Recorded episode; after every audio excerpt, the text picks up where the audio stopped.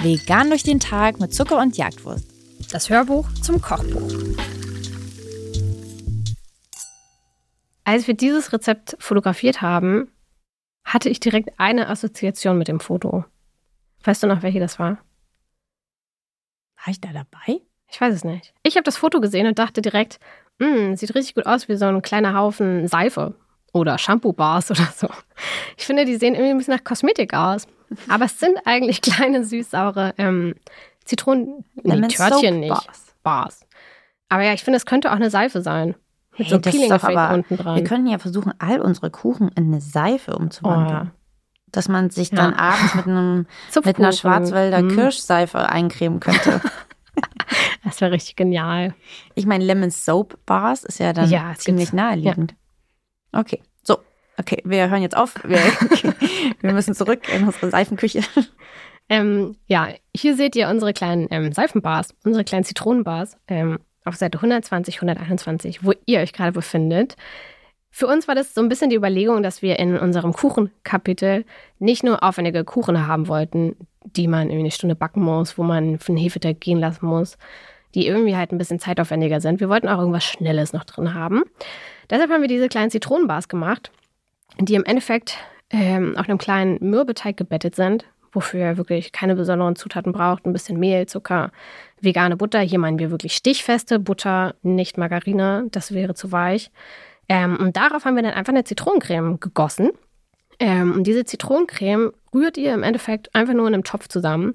Ihr braucht ganz viele Zitronen dafür, Ahornsirup oder Agavendicksaft, dann eine Milch, eine pflanzliche, ein bisschen vegane Butter und so weiter und so fort. Lasst das andicken, gießt das rauf, dann wird das von alleine fest mit der Zeit und dann könnt ihr die in kleine Bars oder ihr könnt auch Dreiecke machen, ihr könnt auch kleine Kreise ausstechen, was auch immer.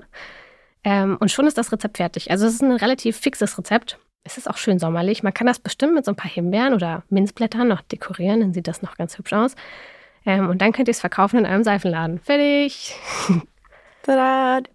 Ich muss sagen, ich finde es schon einigermaßen interessant, dass du ein Rezept, das über zwei Stunden braucht. Das ist aber ganz viel, das ist ganz viel Zeit, wo man, ähm, das ist ganz viel Zeit, wo man nichts machen muss. Wo man auch mal aufräumen könnte zum ja, Beispiel. also im Endeffekt, ihr knetet diesen Mürbteig zusammen. Den lasst ihr dann kurz mal im Kühlschrank chillen, dann schiebt ihr den in den Ofen, da könnt ihr auch wieder chillen, dann musst ihr erstmal abkühlen, da chillt ihr dann schon wieder. Diese Creme ist eigentlich in 10 Minuten angerührt, aber bis die fest wird, dauert es natürlich auch. Also die Wartezeit sind vor allem 90 Minuten. Das stimmt. Also eigentlich ist das ein ganz schnelles Rezept. Ihr könnt so viel dabei erledigen. Ja. Überlegt mal, das ist ein richtig gutes ähm, Projekt, wenn ihr eigentlich die Wohnung putzen müsst. Oh, ja. Könnt ihr Step by Step vorangehen und zufällig sind auf einmal am Ende kleine Zitronentörtchen fertig. Ein bisschen Zeit dauert wahrscheinlich auch, diese zehn Zitronen auszupressen. Aber ansonsten ist das wirklich ein Aber wahnsinnig schnelles Rezept. Also eigentlich in fünf Minuten gemacht. Ah. Ähm, kann man das wohl auch mit ähm, Limette machen, frage ich mich gerade. Ja, klar. Aber dann braucht man wahrscheinlich noch mal vier, äh, viel, viel länger Zeit, bis man auf 375 Milliliter. Ja, und was ich mich gerade frage. Man braucht schon auch frischen Saft, ne? Man sollte jetzt ja. nicht so einen, ähm, nee.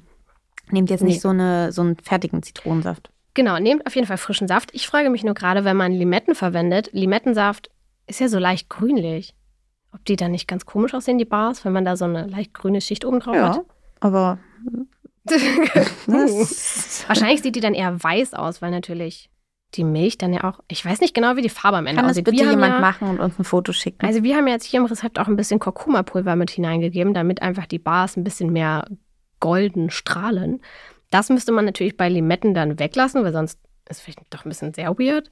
Ähm, also ich bin mit der Farbe Könnte man unsicher. vielleicht Matcha-Pulver noch einrühren, damit es oh, grün ja. wird. Ja, genau, stimmt. Ja, einfach einen Ersatz finden. Oder ein bisschen Lebensmittelfarbe, was auch immer ihr habt.